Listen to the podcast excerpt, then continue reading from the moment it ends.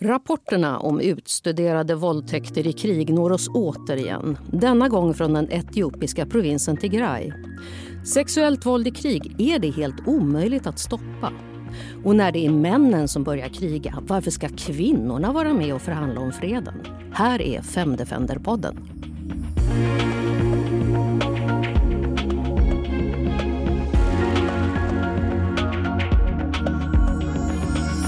Du har just börjat lyssna på Kvinna till kvinnas kunskapspodd om kampen för kvinnors globala rättigheter.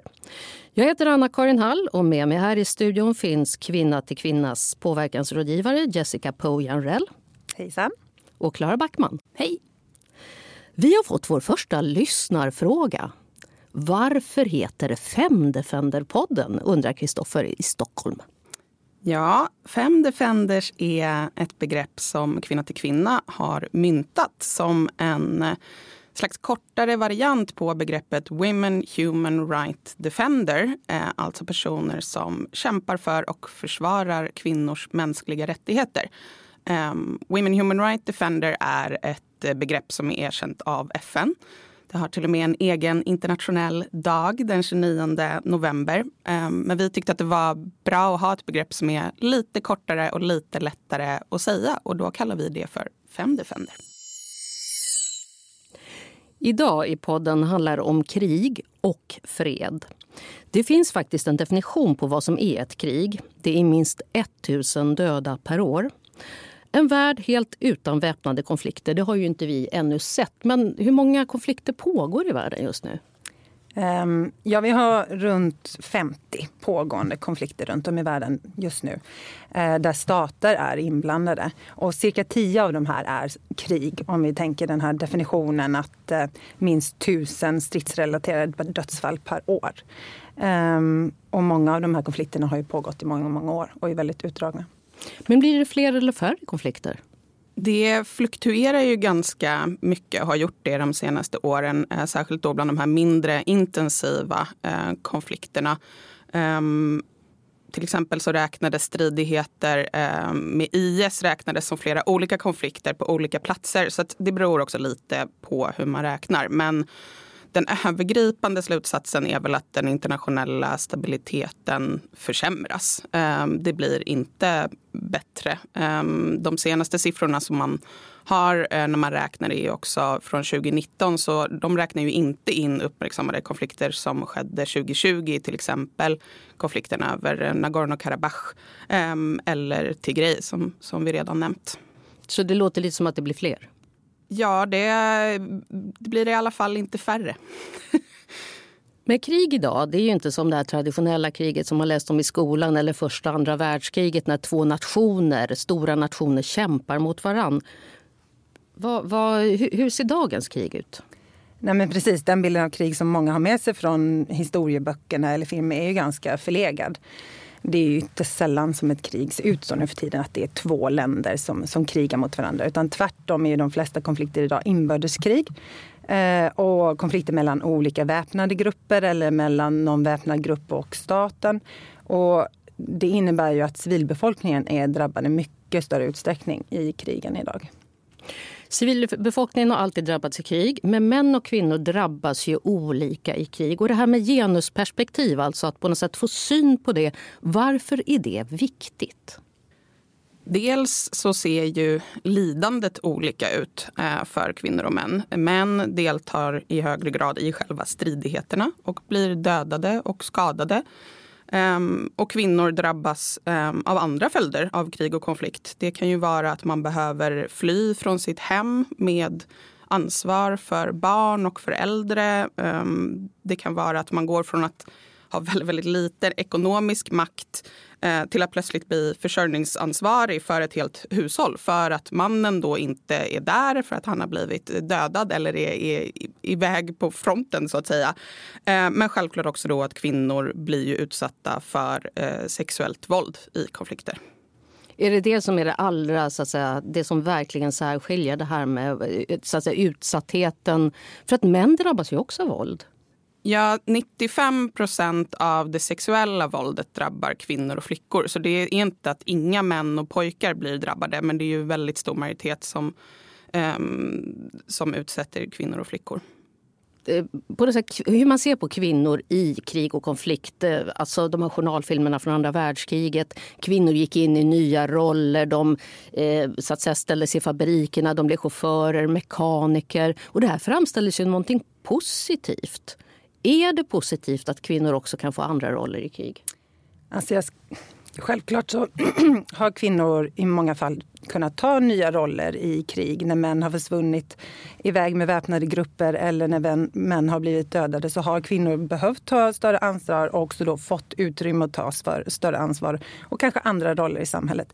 Men till skillnad från andra världskriget och de här journalfilmerna som du refererar till så befinner sig inte kvinnor i dagens krig utanför kriget på samma sätt utan oftast mitt i kriget. Kanske i sönderbombade städer utan el och vatten och inte nödvändigtvis med liksom stora anställningsmöjligheter i nybyggda fabriker. Så att den här bilden är liksom väldigt förenklad och, och förskönad på något sätt. För möjligheten till ekonomisk överlevnad är faktiskt oerhört svårt för de kvinnor eh, som blir eh, ansvariga för att ta hand om familjen i krig idag. Men det här, eh, alltså jag har sett någon sån där krigsaffisch från Ukraina där så här, eh, kvinnan, moden framställs som otroligt viktig i kriget. Hon stickar strumpor till männen vid fronten. Alltså hon hyllas som nationens moder som håller ihop allt det här. Är det alltså, när kvinnor får, får såna roller då? Det känns väldigt mycket som en, en propagandabild liksom, som, eh, som kanske den ukrainska staten gärna vill visa upp att kvinnorna ska stötta stötta kriget. Och det vet vi ju också från de eh, kvinnorättsorganisationer som vi känner till i Ukraina och kvinnorättsaktivister i Ukraina. Att de, eh, de får ju väldigt mycket hot och hat av att de eh, verkar för fred. De vill ju liksom från, från Ukrainas sida att, att kvinnorna ska stötta kriget och, och då uppmåla dem som att de har en viktig roll i, i liksom att stötta krigsefforten. Men krig, det är ju, alltså, det är ju militära styrkor, det är ju vapen. Alltså, vad har genus med det här att göra? Ja, det här tycker jag har att göra med um, hur man ser på säkerhet. Vad är säkerhet och vem är det som ska vara säker? Um, pratar man om nationell säkerhet um, skapad genom militär upprustning eller pratar man om mänsklig säkerhet där, där människor faktiskt uh, lever i, i fred? och där kan man ju till exempel göra en koppling till eh, coronapandemin. Att vad var det som gjorde oss säkra där? Eh, var det militär upprustning eller var det investeringar i andra saker? Eh, gjorde det människor säkra att vi hade investerat i en massa stridsflygplan eller borde vi ha investerat i IVA-platser och sjuksköterskor? Men kan, kan man säga det här att krig eh, främst startas av män? Ja. men men alltså, är, är kvinnor då mer fredliga? Alltså jag skulle säga att eh, krig startas ju oftare män. Men det beror på lite olika, olika saker och inte på grund av att kvinnor är mer fredliga till sin natur. Men däremot så har ju män maktpositioner i mycket större utsträckning eh, och befinner sig på sådana positioner eh, som gör att de kanske är mer i en situation där de vill utöka sin makt eller försvara sitt, territorium eller någonting. Men sen har vi också såklart det här med, med normer. Alltså tyvärr så växer ju många pojkar och män runt om i världen upp med väldigt destruktiva mansnormer. Alltså en idé om att de ska vara hårda, kompromisslösa och att de Eh, får eller till och med ska använda våld för att lösa konflikter. Medan de flesta kvinnor och flickor inte fostras på det sättet utan tvärtom liksom fostras till att vara inlyssnande och mer kompromissvilliga. Så det finns ju en... Eh, så att när, när, när män uppfostras till att de ska lösa konflikter med våld så, så innebär ju det också att det är större chans att man startar krig. Klara? Ja, men jag håller med Jessica att det handlar ju om makt. Och historiskt sett har det ju såklart varit män som har startat krig för det har ju varit de som bestämmer. Eh, och fortfarande är det bara 7% av världens länder som leds av en kvinna. Eh, sen kan man nog också säga att även om det inte finns någon biologi i det hela så eh, tror jag att kvinnor eftersom de har hållits utanför makten har andra erfarenheter och andra perspektiv än män som också leder till att de tar andra beslut. Men Margaret Thatcher startade ju Falklandskriget. Ja, jo, nej, men kvinnor har ju också i, kvinnor i maktpositioner har ju också ofta försökt bete sig som män i maktpositioner. Som sagt, det ligger inte i naturen. Det, det finns ingenting som säger att en kvinna inte kan starta krig, såklart. Men om kvinnor nu oftast inte startar krigen, varför ska de då vara med och förhandla om freden? Eh, just därför. Alltså egentligen tycker jag att de som startar krigen borde absolut inte få vara med och förhandla om freden. För det är ju, de, de är inte särskilt bra på att hitta fredliga lösningar. Men tyvärr kan man inte utesluta dem eftersom det är de som har makten och, och, och soldater och vapen och så vidare. Men självklart ska det inte bara vara upp till de här bråkstakarna att bestämma hur freden ska se ut. Ehm, därför att i, i de här fredsavtalen lägger man grunden för hur samhället ska byggas upp. Och då måste ju kvinnor som är 50 procent av befolkningen få en röst i det. Ja, men precis. Det är ju skillnad på också ett vapenstillestånd eller en vapenvila och en faktisk fredsprocess. Um, fredsavtal håller i snitt i sju år eh, innan konflikt bryter ut igen. Eh, och om vi vill öka den siffran så måste ju fler aktörer få vara med och, och förhandla om freden. Och vi måste bredda representationen eh, från, som sagt, bråkstakarna. Men varför ska just kvinnor vara med? Det finns väl andra grupper som är väldigt viktiga. Unga, ska inte de vara representerade i en fredsförhandling också? Eh, jo, alltså jag tänker att det bästa är om vi kan få så inkluderande fredsprocesser som möjligt. Där alla delar av samhället får komma till tals. Eh, och det gör, alltså det gör att vi får mycket bättre chanser att bygga hållbar fred. Men kvinnor är ju ändå 50 procent av befolkningen så det är ju eh, uppenbart att eh, kvinnor måste representeras i de här processerna. Man kan också se att det ena leder faktiskt till det andra. För att när eh, kvinnoorganisationer får vara med i processen så kämpar de också ofta för att andra grupper ska finnas representerade. Och det kan vara unga eh, etniska och religiösa minoriteter. De kämpar ofta för den här breda representationen eh, och inklusiviteten som måste till. Men hur går det då? Kommer kvinnorna med i fredsprocesserna? Alltså om vi tittar på statistiken så under de sista 20 åren så har cirka 6% av alla fredsmedlare varit kvinnor och ungefär 13% av alla fredsförhandlare varit kvinnor. Så det är ju tydligt att de här rollerna är fortfarande väldigt reserverade för män. Men vet man om då fredsavtal blir bättre och mer hållbara om kvinnor är med? Du sa att ett fredsavtal vanligtvis håller sju år. Finns det någon statistik på om det går bättre? Om kvinnor har varit med? Ja, um, det finns en del siffror som säger att kvinnors deltagande ökar chansen att ett fredsavtal ska vara längre än två år med 20 procent. Och sen ökar den siffran ju längre fredsavtalet går. så att säga. Alltså, den ökar med 35 procent eh, att ett fredsavtal ska hålla i 15 år. Eh, men eh, jag tycker att det är viktigt här att hålla isär ett nyttoargument och ett rättvise argument. Den här forskningen som visar att det, fredsavtalen blir bättre. Um, den, är, den, har inte jättestark evidens och det beror ju dels på att det finns ganska få fall. Det är inte jättemånga fredsavtal som förhandlas och det är ännu färre där ju kvinnor har fått vara med. Uh, men oavsett ska ju kvinnor få vara med i de här förhandlingarna för att det alltså är rättvist. Jessica? Ja, men jag håller med Klara. Alltså, det finns forskning som visar på detta men jag tycker egentligen inte att vi ska behöva bevisa det. Det är lite som att säga, vet vi att demokrati blir bättre om kvinnor får rösta? Alltså det är en rättighetsfråga, en demokratifråga för att göra sin röst hörd i beslut som gäller ens egen samhälle och framtid. Men är det något argument om det nu skulle hypotetiskt vara så att det blir sämre fredsavtal om vissa grupper är med? Ska de ändå av rättviseskäl få vara med? Om du säger då bråkstakarna som startar en konflikt Nej, då ska inte de få vara med och fredsförhandla. Men rättvisemässigt borde de ju få vara det också. Det var ju för sig en utvikning, men jag tänker så här. att Jag har läst någonstans att fredsavtal eh, faktiskt håller sämre om man skriver in eh, då, eh, jämställdhetsaspekter i fredsavtalen.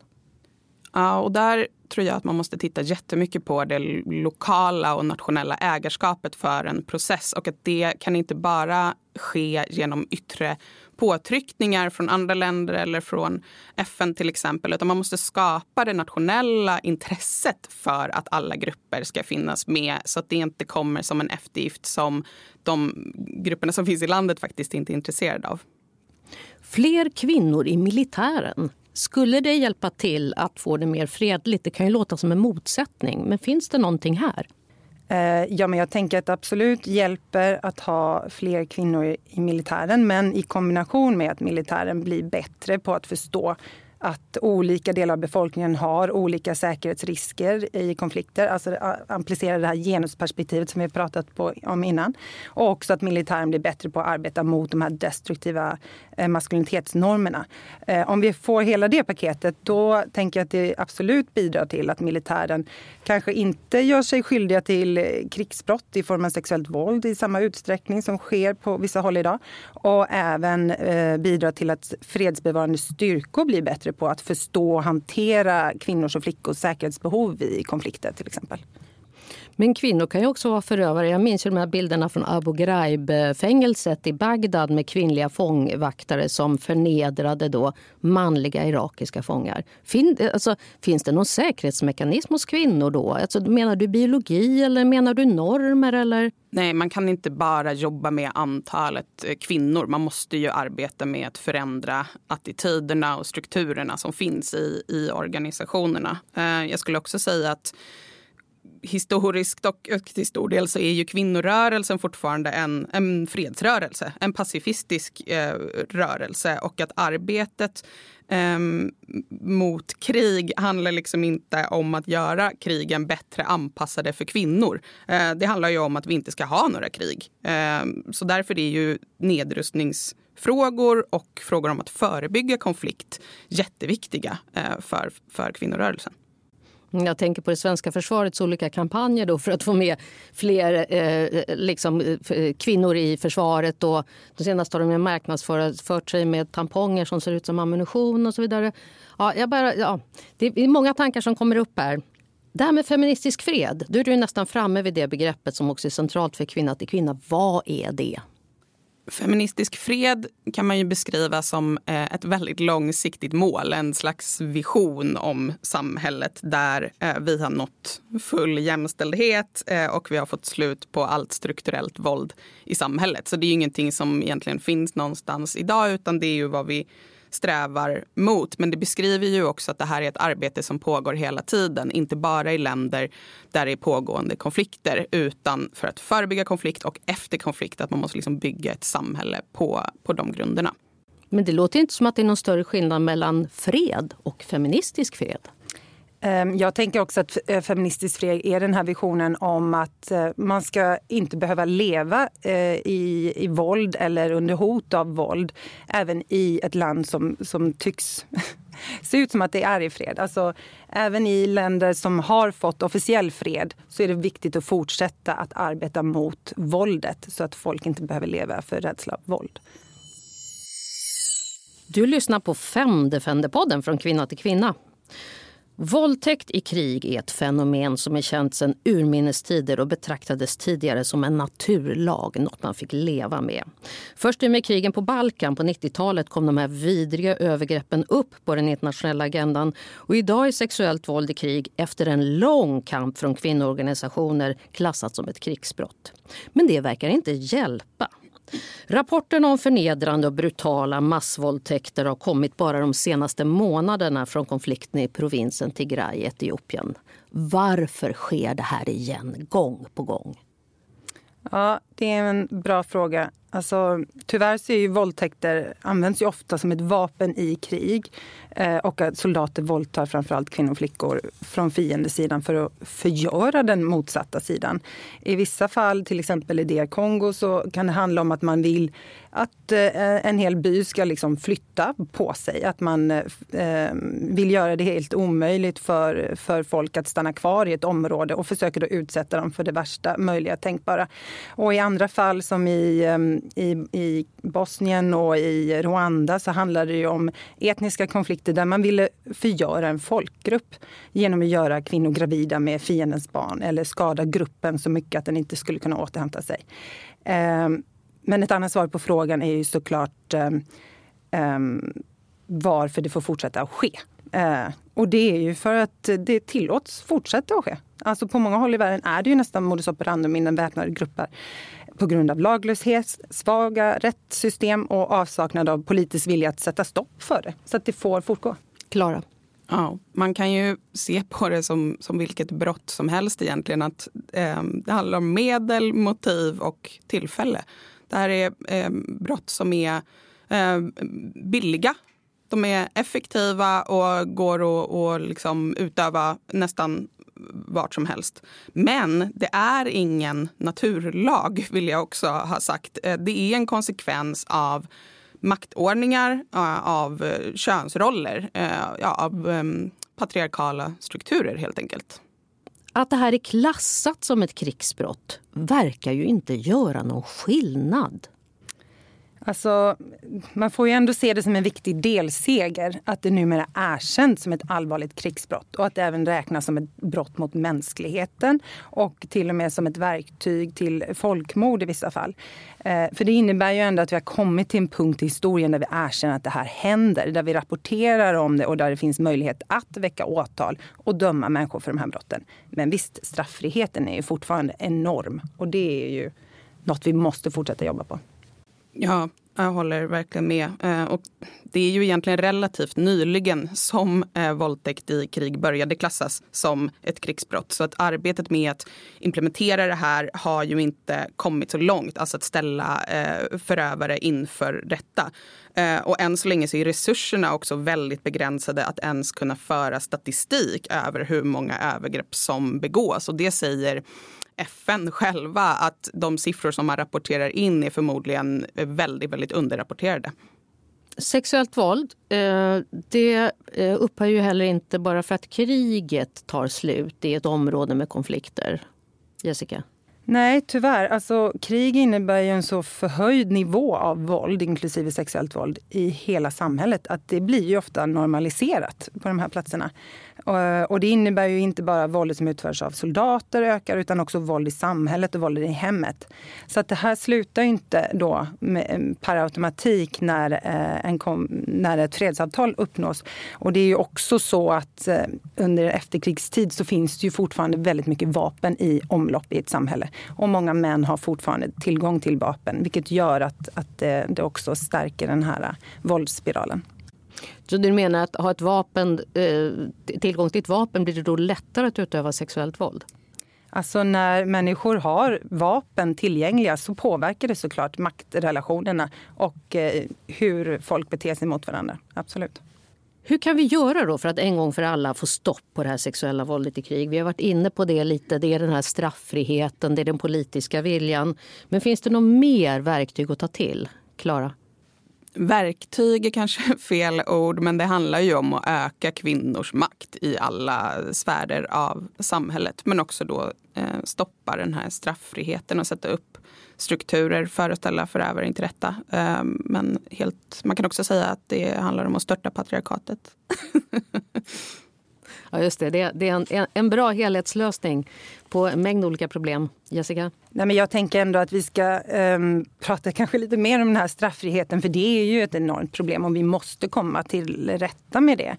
Uh, alltså I krigsförbrytartribunalen i Rwanda i slutet på 90-talet så dömdes ett tiotal personer för krigsbrott i form av sexuellt våld. Och det var ju första gången någonsin som någon dömdes för våldtäkt som ett verktyg för, för folkmord och brott mot mänskligheten. Och sen så i, uh, i tribunalen kopplat till Jugoslavien så var det närmare 30 personer som dömdes för krigsbrott i form av sexuellt våld. Men sen eh, när den internationella brottsdomsmåls, eh, eh brottmålsdomstolen i Haag eh, öppnade 2002 och som verkligen hade detta som ett av sina specifika uppdrag så har ju de sen misslyckats totalt. Hittills är det bara tre personer som har dömts för den här typen av brott i, i den domstolen. Och en av dem har sen blivit frigiven efter ett överklagande. Så att vi behöver absolut eh, prioritera det här högre, lägga mer resurser på det här. Se till att det blir bättre, snabbare, mer effektiva utredningar. Så att den här strafffriheten inte ska förekomma i den grad det gör nu. Det tror jag är jätteviktigt. Utöver såklart det arbete som måste ske hela tiden med att höja kvinnors rättigheter överallt. Men Klara, du var inne tidigare på att det här inte är en naturlag. Det sker ju inte alltid i alla kontexter och sammanhang där det är konflikter. En del eh, så att säga, militära enheter då begår inte den här typen av övergrepp. Ja, nej, men jag tänkte säga, eh, jag vet att när Margot Wallström pratar om de här frågorna så brukar hon säga you can command, condone or condemn. Alltså typ du kan beordra, acceptera eller fördöma ett beteende eh, som militärledare. Och det har ju enorm betydelse. Eh, så att jag tror, här har, måste vi också titta på just hur militären och militärledare beter sig och vad de eh, eh faktiskt eh, tillåter för typ av beteende. Så där har vi också en viktig sak att jobba med, just attityderna inom militären. Men alltså den enskilda soldatens attityd och värderingar. Du var, ni var ju inne på det båda tidigare, att det, finns, att det är destruktiva manliga normer och beteenden. Finns det inte ett grundarbete att göra här också som kanske inte alltid bara handlar om hur en militärmakt eller ett så att säga, militärt förband beter sig? Jo, det är ju självklart ett långsiktigt väldigt komplext eh, arbete. Inte bara för att eh, förhindra våldtäkt i krig utan också förhindra våldtäkt i alla samhällen som ju finns överallt fortfarande. Um, och det handlar ju om att göra ett, ett grundarbete um, med att förändra könsrollerna i samhället. Om vi går tillbaka till att prata om kvinnors deltagande i fredsprocesser och tittar på några konkreta fall där man har fått eller inte fått med kvinnor i till exempel fredsförhandlingar. Hur har det gått? Ja, men vi har ett jättespännande exempel från Liberia till exempel som jag tror är ett sånt här exempel som många känner till. Där vet vi att kvinnorna var jätteaktiva i fredsprocessen och hade, liksom, lyckades verkligen med sitt arbete. Eh, det finns ju några såna välkända ögonblick där kring den fredsprocessen där till exempel eh, kvinnorättsaktivister trängde sig in på ett möte och, och i princip tvingade Charles Taylor, som var den sittande presidenten, att, att lova att han skulle vara med i fredssamtalen. Och, och sen när fredsförhandlingarna startade i Ghana så åkte en delegation av 200 kvinnorättsaktivister från Liberia till Ghana och i princip eh, blockerade utgångarna på det här mötesrummet, blockerade fönster och dörrar och sa att de släpper inte ut någon som är med i förhandlingarna förrän de har kommit överens. Och de lyckades. Och så gjorde de i princip så här i, varje steg i hela fredsprocessen. De krävde eh, ja, eh, accountability. De krävde krävde att det skulle lösa sig, att det skulle komma en lösning. Eh, och ehm, ett par år senare så blev ju också sen en av de kvinnorna inröstad som, som president i Liberien. Och sen har de ju också fått Nobels eh, fredspris för det arbete de gjorde. Så det här är ju det här kanske det bästa exemplet som vi, som vi tycker om att lyfta Ja, och inte minst kan man också lyfta det att freden faktiskt har hållit längre än de här sju åren som vi pratade om tidigare. Man har genomgått två val som brukar ju vara liksom test för hur hållbar en fred är, för det är ofta då annars oroligheter startat. Så att än så länge håller ju freden i eh, Liberia, även om tyvärr kvinnor har det fortfarande väldigt svårt i det landet. Och på vilket sätt har de det svårt? Det sexuella våldet pågår ju fortfarande men eh, på den positiva sidan så, så finns det en stark kvinnorörelse som fortsätter kämpa eh, mot det sexuella våldet och man når små eh, framsteg fortfarande. Den konflikten i Liberia vi har pratat om här nu, alltså det var det andra liberianska inbördeskriget, det som pågick mellan 1999 och 2003. Men om Liberia nu kan ses som ett framgångsexempel, hur har det gått till senare konflikter? Vi har haft eh, långa utdragna konflikter. Syrien är en av dem. Hur har det gått med kvinnor i fredsförhandlingar där? Ja, där har det ju inte gått lika bra. Ehm, det är ju en väldigt, väldigt komplicerad konflikt. Eh, ett slags proxykrig med väldigt många intressenter så att fredsförhandlingarna har ju varit väldigt komplicerade i sig. Ehm, FN ehm, försökte ju också bygga upp olika mekanismer för att inkludera kvinnor som inte alltid fungerade så bra. Man har haft olika typer av rådgivande kvinnogrupper som ska kunna spela in rekommendationer då till de formella förhandlingarna. Men problemet där har ju varit att man har ansett att en stor grupp kvinnor från väldigt olika bakgrunder och intressen ska kunna enas om en så att säga kvinnorekommendation. Eh, och det kan man ju nästan förstå att det inte kommer funka för kvinnor är ju inte en enhetlig grupp eh, med en liksom ensidig linje. Eh, och då är det ju egentligen helt orimligt att de ska dela på liksom en stol och en röst. Och det här ledde ju också tyvärr till splittring i, i kvinnorörelsen i Syrien. Eh, så där har det ju verkligen inte gått lika bra. Nej, men det är ofta den här föreställningen att man, man tänker sig att kvinnor ska alltid vara enade i alla sammanhang. Men det, det kravet ställer man ju väldigt sällan på män, att de ska vara enade i alla och komma med en mans rekommendation. Då, då. Ja, om man tittar på till exempel Jemen eh, så var det ju för ett par år sedan. Då kunde ju parterna i de förhandlingarna bara enas. De manliga parterna kunde bara enas om en enda sak och det var att kvinnorna inte skulle få finnas med. Fint. Blir det då lättare och svårare i längden att få in kvinnor i fredsförhandlingar? Eh, ja, men eh, bra fråga. Alltså de, de kvinnor som vi arbetar med runt om i världen menar ändå att det faktum att FNs säkerhetsråd ändå har tagit de här rekommendationerna kring kvinnofred och säkerhet som säger att kvinnor ska ha en plats vid bordet och ska vara med i fredsförhandlingar och så vidare. Att det ändå har hjälpt dem att kräva sin plats eh, och varit ett viktigt verktyg för dem. Eh, för det ger dem någonting att peka på och att de känner att de har det internationella samfundets liksom, stöd och backning.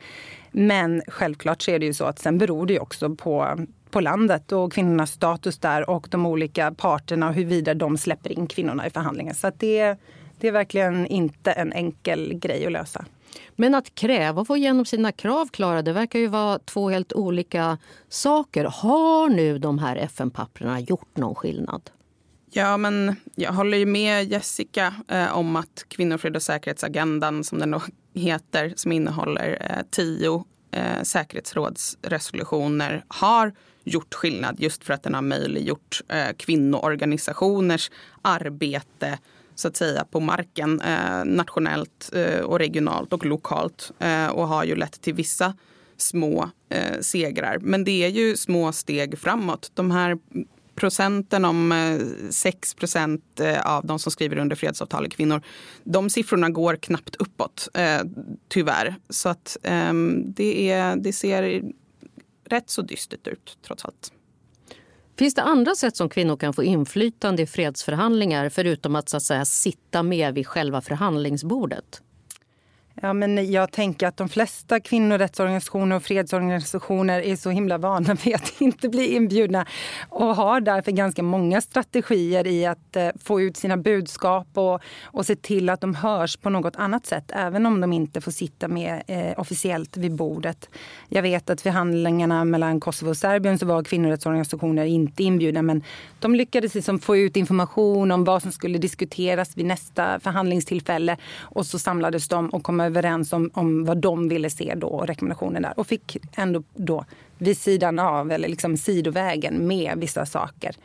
Eh, och kvinnor i Syrien har också lyckats med att få till vissa lokala liksom, grejer. Jag vet att eh, det har varit tillfällen då de har lyckats få till vapenstillestånd under perioder för att möjliggöra att hjälpsändningar kommer in i vissa områden. Och så så det finns ju liksom andra sätt och vägar eh, som inte alltid uppmärksammas men som, som ändå är viktiga för att nå förändring. Jag håller verkligen med. Det pågår väldigt mycket arbete för försoning och för hållbar fred men som sker väldigt mycket i mediaskugga och även nästan utan några resurser alls. Det är dags att börja avrunda. Vad har vi för exempel idag då, i Sverige eller i världen i stort på sådana här snackisar kring feminism och antifeminism? Jessica, vill du börja? Ja, men eh, månadens antifeminist för mig måste nog ändå bli Paolo Roberto. Alltså att gå ut och säga att feminismen är det värsta som har hänt svensk jämställdhet, det tar liksom... Eh, ja. Eh, det, ja, det kan man inte säga utan att bli utnämnd till månadens antifeminist, tycker jag. Och sen hela företeelsen med att han ska vara med i poddar, att han ska ut i rampljuset igen, bjudas in i värmen. Det, ja, jag, jag har väldigt svårt för det här. Jag har en tidlös snackis, men jag har kommit att tänka på den här eftersom det har varit uppe nu, mediaspekulationer sista tiden, vem det är som ska eh, efterträda Stefan Löfven som partiordförande för Socialdemokraterna. Jag utnämner härmed Socialdemokratiska partiets ledarskick till Sveriges salongsfeminister nummer ett. Vet man nu för tiden vad en salongsfeminist är? Nej.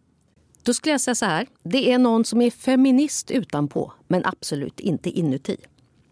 Jo, det här partiet förespråkar ju jämställdhet vitt och brett men de är faktiskt bland de sämsta bland riksdagspartierna på att ha haft kvinnliga ledare.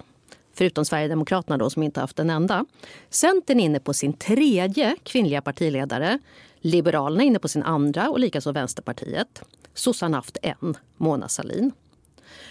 Att sossarna inte släpper fram kvinnor i absoluta toppen det är ju starkt bidragande till att Sverige aldrig någonsin haft en kvinnlig statsminister. Norge fick sin första kvinnliga statsminister för 41 år sedan och de är inne på sin andra. Sossarna har suttit vid makten 33 av de senaste 50 åren så jag menar att de är mer skyldiga till det här än de borgerliga partierna är. Och idag har alla nordiska länder, förutom Sverige, kvinnliga statsministrar. Jag har svårt att se att det här skulle vara en tillfällighet. Klara, vad har du för snackis? Jag tänkte försöka lyfta en positiv nyhet eftersom de inte är så vanliga i de här sammanhangen. Nämligen att eh, ännu ett land i eh, Latinamerika har tagit ett positivt steg gällande aborträtt, eh, nämligen Ecuador som har avkriminaliserat abort vid våldtäkt. Ehm, ett litet steg framåt i alla fall. I förra avsnittet av podden så pratade vi ju mycket om eh, sexuella och reproduktiva rättigheter. Och det här är ju ännu ett exempel på den polarisering vi kan se i världen där det både tas steg framåt och i andra länder tas steg bakåt. Men vi kan ju alla behöva lite uppmuntran. Så eh, heja Ecuador och kvinnoorganisationerna där. Tack till Jessica Pojanrell, Klara Backman, båda påverkansrådgivare på Kvinna till Kvinna. Själv heter jag Anna-Karin Hall. Du har hört Fem Defender-podden, en kunskapspodd från kvinna till kvinna. Ansvarig utgivare är Linda Sell.